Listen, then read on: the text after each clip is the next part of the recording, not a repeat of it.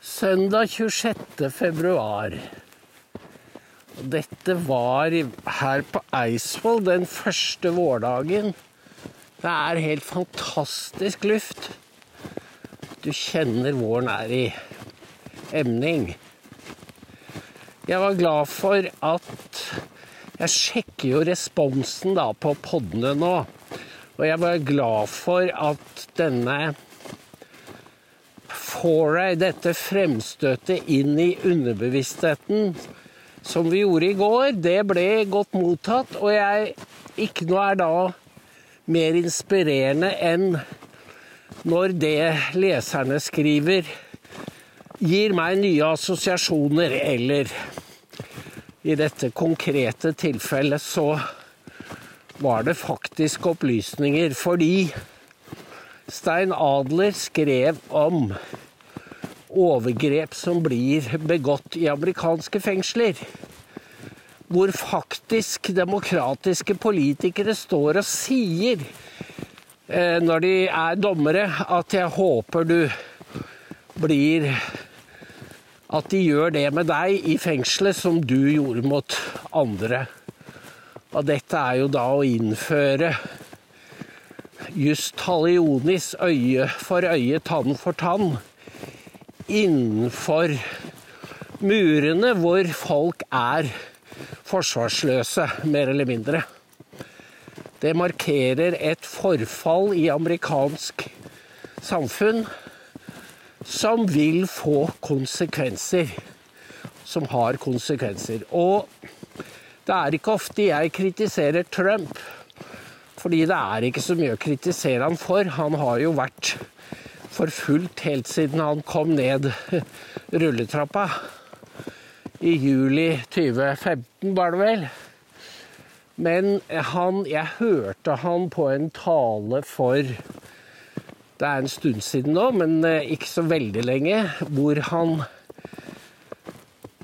ønsketenkte at en konkret person jeg husker ikke hvem det var. Eh, måtte komme i fengsel. Og da Der ville han ganske fort bli someone's bride. Og folk lo rått. Og det slo meg at det var en side ved Trump som jeg ikke har sett før, eller altså ikke merket. Og det var jo nettopp dette at når fanger kommer i fengsel, så blir de tvunget til å bli seksuell partner til en, en som er sterkere. Og dette er jo Mellom-Amerika. Dette er eh, Dette har ikke jeg sett at noen medier har tatt fatt i og ristet han for. Og det er vel fordi de er enige, da. Jeg vet ikke. Eller om det, det går dem jo ikke hus forbi, fordi um, de er der og passer på hvert ord han sier. Men med norske ører så var dette her ganske sjokkerende å høre fra Trump. Det er brutalisering, kaller vi det, og barbari. Det er jo allerede sånne tendenser i Norge. Og denne saken men i Dagbladet, den er jo riktig stygg. Men den skal vi Den jobber vi med. Det andre jeg ville ta opp i dag, var det som skjer i Europa. To innspill. Jeg kom til å se på Berlingske at det har vært en megademonstrasjon i Berlin i går. Det var et telegram fra Ritzau, og det er like sovjetisk som NTB. For der sto det at det var 10 000, og demonstrasjonen var instigert av en kjent venstresidepolitiker. Og jeg visste jo med en gang hvem det var. Sara Wagenknecht talte. Og det var, det var en veldig uinspirert gjengivelse. Så gikk jeg inn på YouTube og begynte å google demonstrasjonen, og der lå det jo masse. Det gjorde det også på Rømbel. Og jeg hadde ikke tid til å høre på alt, men for dette varte i over to timer. Men eh, Wagenknecht var der, og hun snakker forbilledlig tysk, som er lett å forstå for nordmenn. For hun snakket jo om ting vi også har vært inne på, nemlig at krigspropagandaen forgifter sinnet til folk. Og det hensetter dem i en krigspsykose. Det er eh, Verden deles inn i svart-hvitt. Det er djevler og helter. Og det er krigen i Ukraina er ikke det. Selv om det er en folkerettsstridig krig, så betyr jo ikke det at du har rett til å at du har rett til å føre krig uansett konsekvenser. Dvs. Si, da blir det en veldig merkelig forståelse av ordet rett. Sara Wagenknecht er en trussel mot det tyske establishment. Fordi hun har så gode credentials. Hun sitter jo i forbundsdagen for De Linke, Venstrepartiet. Og hun, hun utfordrer hele systemet. Og så Den saken har jeg ikke rukket å skrive ennå, men altså Bilt. For jeg vil også sjekke Bilt. De hadde en sak om at demonstrasjonene krenket Ukraina. Ah, hva var det? Jo, fredag var det jo en stor demonstrasjon for Ukraina. Og denne siden hadde sagt, eh, satt opp en ødelagt russisk stridsvogn foran den russiske ambassaden. Og det syns ikke establishment gjør noen ting. Men da Det kan vel hende det var noen som satt i den stridsvognen. Men da fredsdemonstrantene satte roser på denne stridsvognen, så var det å krenke de rettferdiges krig. Og da har du kommet veldig langt. For det var da å hylle Putin. Rosene var en hyllest til Putin. Fikk. Det var slik det ble utlagt av Bildt. Og dette er den Dette er den forgiftingen som Sara Wagenknecht snakket om. Nå viser meningsmålinger at stort flertall av tyskerne er mot våpenleveransene til Ukraina. Det hører vi jo ikke noe om i norske medier. De prøver å bortforklare krigsmotstanden i Tyskland fordi de er redd det skal spre seg, ganske enkelt. Det var ikke 10 000 i Berlin som Reuters oppga. Det var 50 000. Og dette rimer jo helt med det mønsteret vi kjenner, hvor politi og myndigheter systematisk underskatter hvor mange som deltar. Og jeg, dette, sånn var det på 60-tallet også, hvor borgerpressa og politiet systematisk underrapporterte hvor mange som møtte opp. Så det er psykologisk krigføring som vi kjenner. Men nå er det altså Nå er det altså venstresiden, den etablerte, som sitter med makta. Og er i allianse eller har blitt et krigsparti. Og de mest krigerske av alle, det er jo De grønne. Som har utenriksministerposten. Og det var jo hun Anne-Lena Baerbock som sa vi er i krig med Russland. Og det, er, det samme er jo Venstre og Venstre i Norge. De er også helt så krigerske.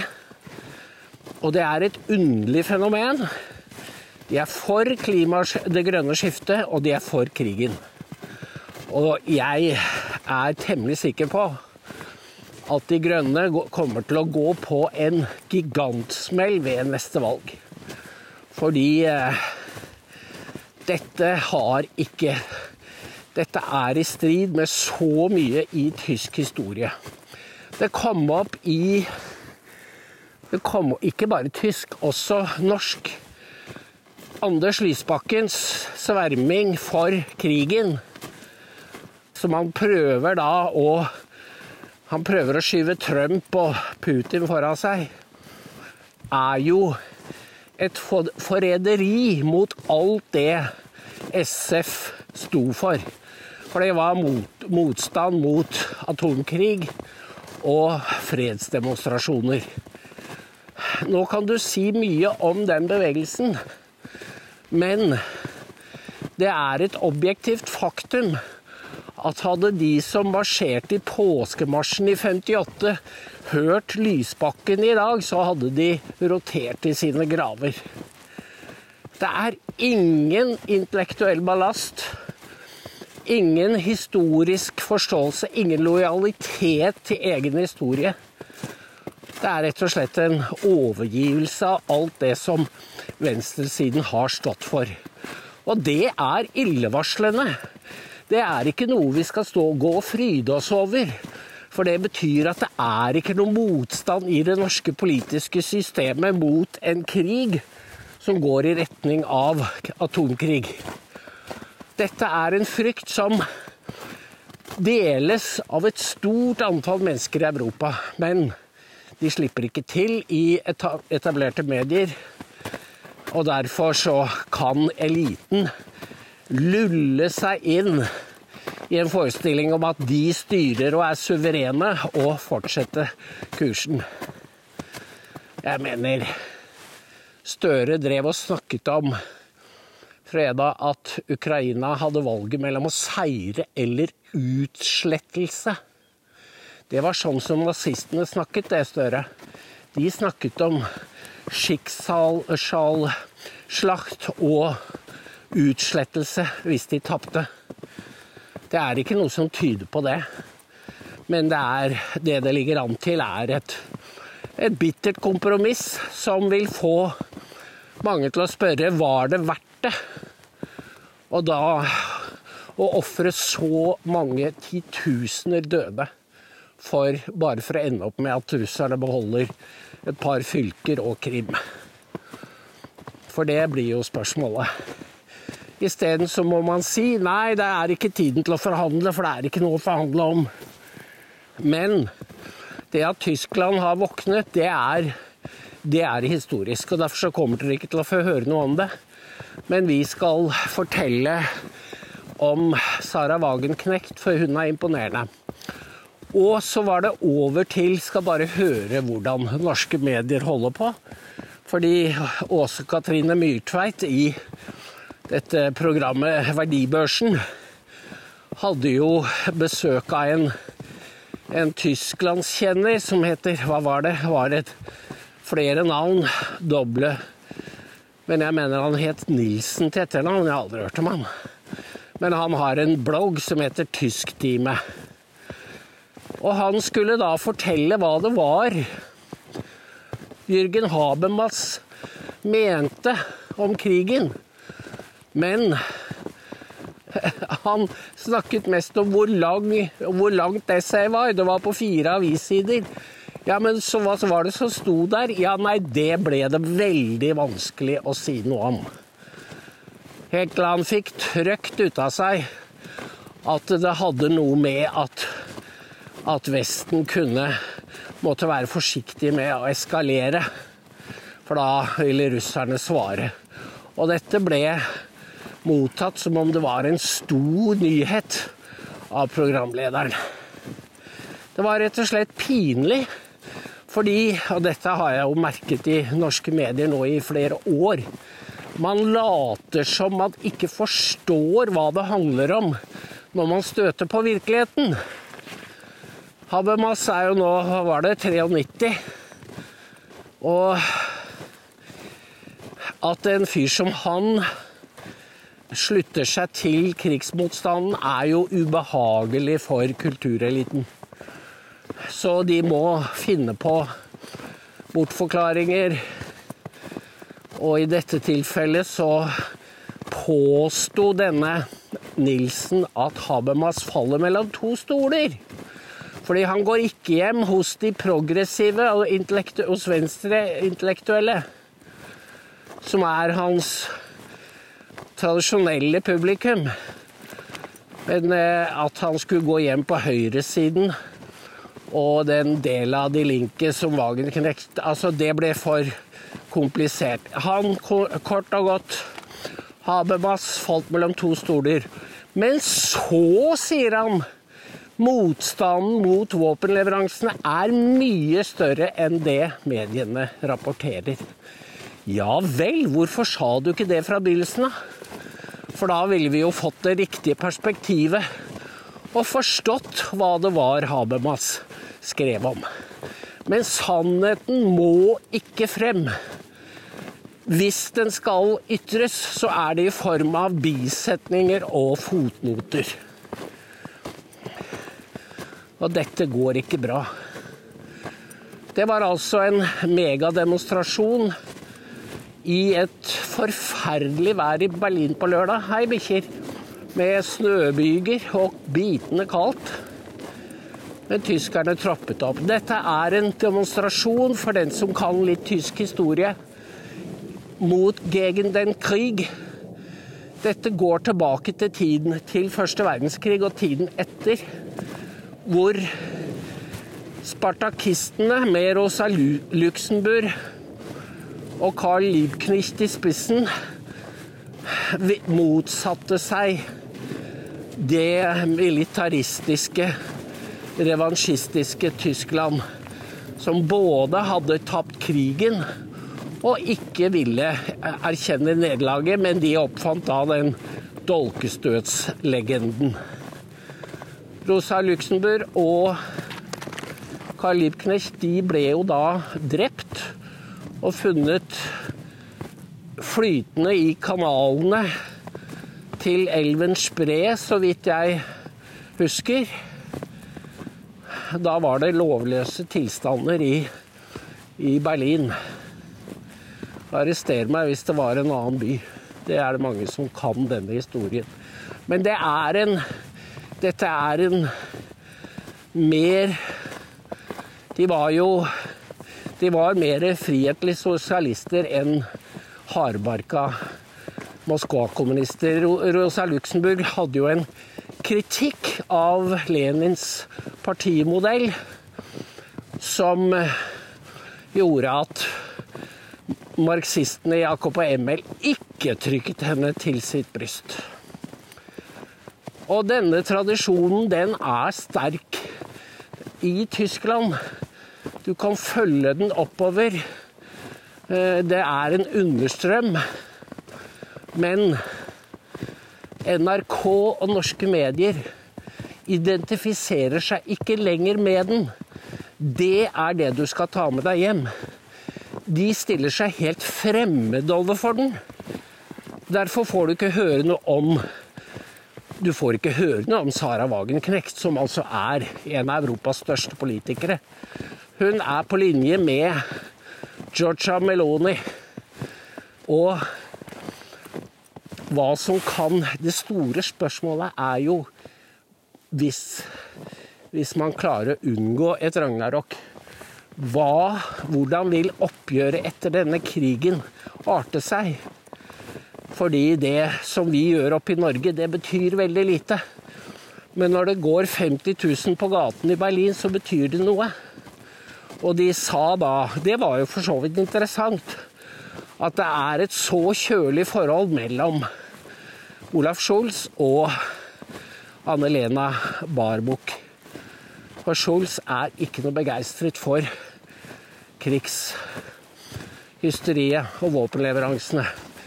Ja, det vet ikke jeg noe om. Jeg bare, det ble sagt. Men så er det en tredje faktor, og det er Nordstrøm 2, 1 og 2. For den sabotasjen, den kommer til å forfølge de nordiske land og USA lenge. Tror du ikke Mette Fredriksen i går rykket ut og advarte mot konspirasjonsteorier om Nordstrøm? Det sier oss én ting. De er redd. De er redde. De har ikke kontroll på historien. De merker at denne sprer seg, og det sa Mette Fredriksen også. Denne historien florerer over hele verden. Og de forstår at det kan skade Nordens omdømme. Selvfølgelig kan det det. Ta bare filmen om norsk barnevern i India. Vi har ikke lenger kontroll på historien, narrativet om oss selv. Det er faktisk blitt fair play. Fordi indere, indiske journalister, kan også bedømme oss på de kriteriene som vi en gang hadde og bekjente oss til. Dette er en veldig interessant konstellasjon. Så hvis Norden har enten vært med på eller visste om Nordstrøm 2, 1 og 2, så kommer det til å forfølge oss. Helt til vi har til sannheten kommer på bordet. Og da er jo spørsmålet om myndighetene overhodet kommer til å innrømme det. Om det finnes opposisjon i parlamentene som vil ta opp at Norge, sammen med USA, har vært med på noe som er et casus belli. En krigsutløsende hendelse. Det skal bli spennende å se, og jeg tror, gitt Tysklands viktige rolle og tysk historie, at det ligger flere overraskelser på lur. Og så hilser jeg fra Hanne som fremdeles har telefonnummer 13629. Men dere kommer bare frem med VIPS. Takk for i dag.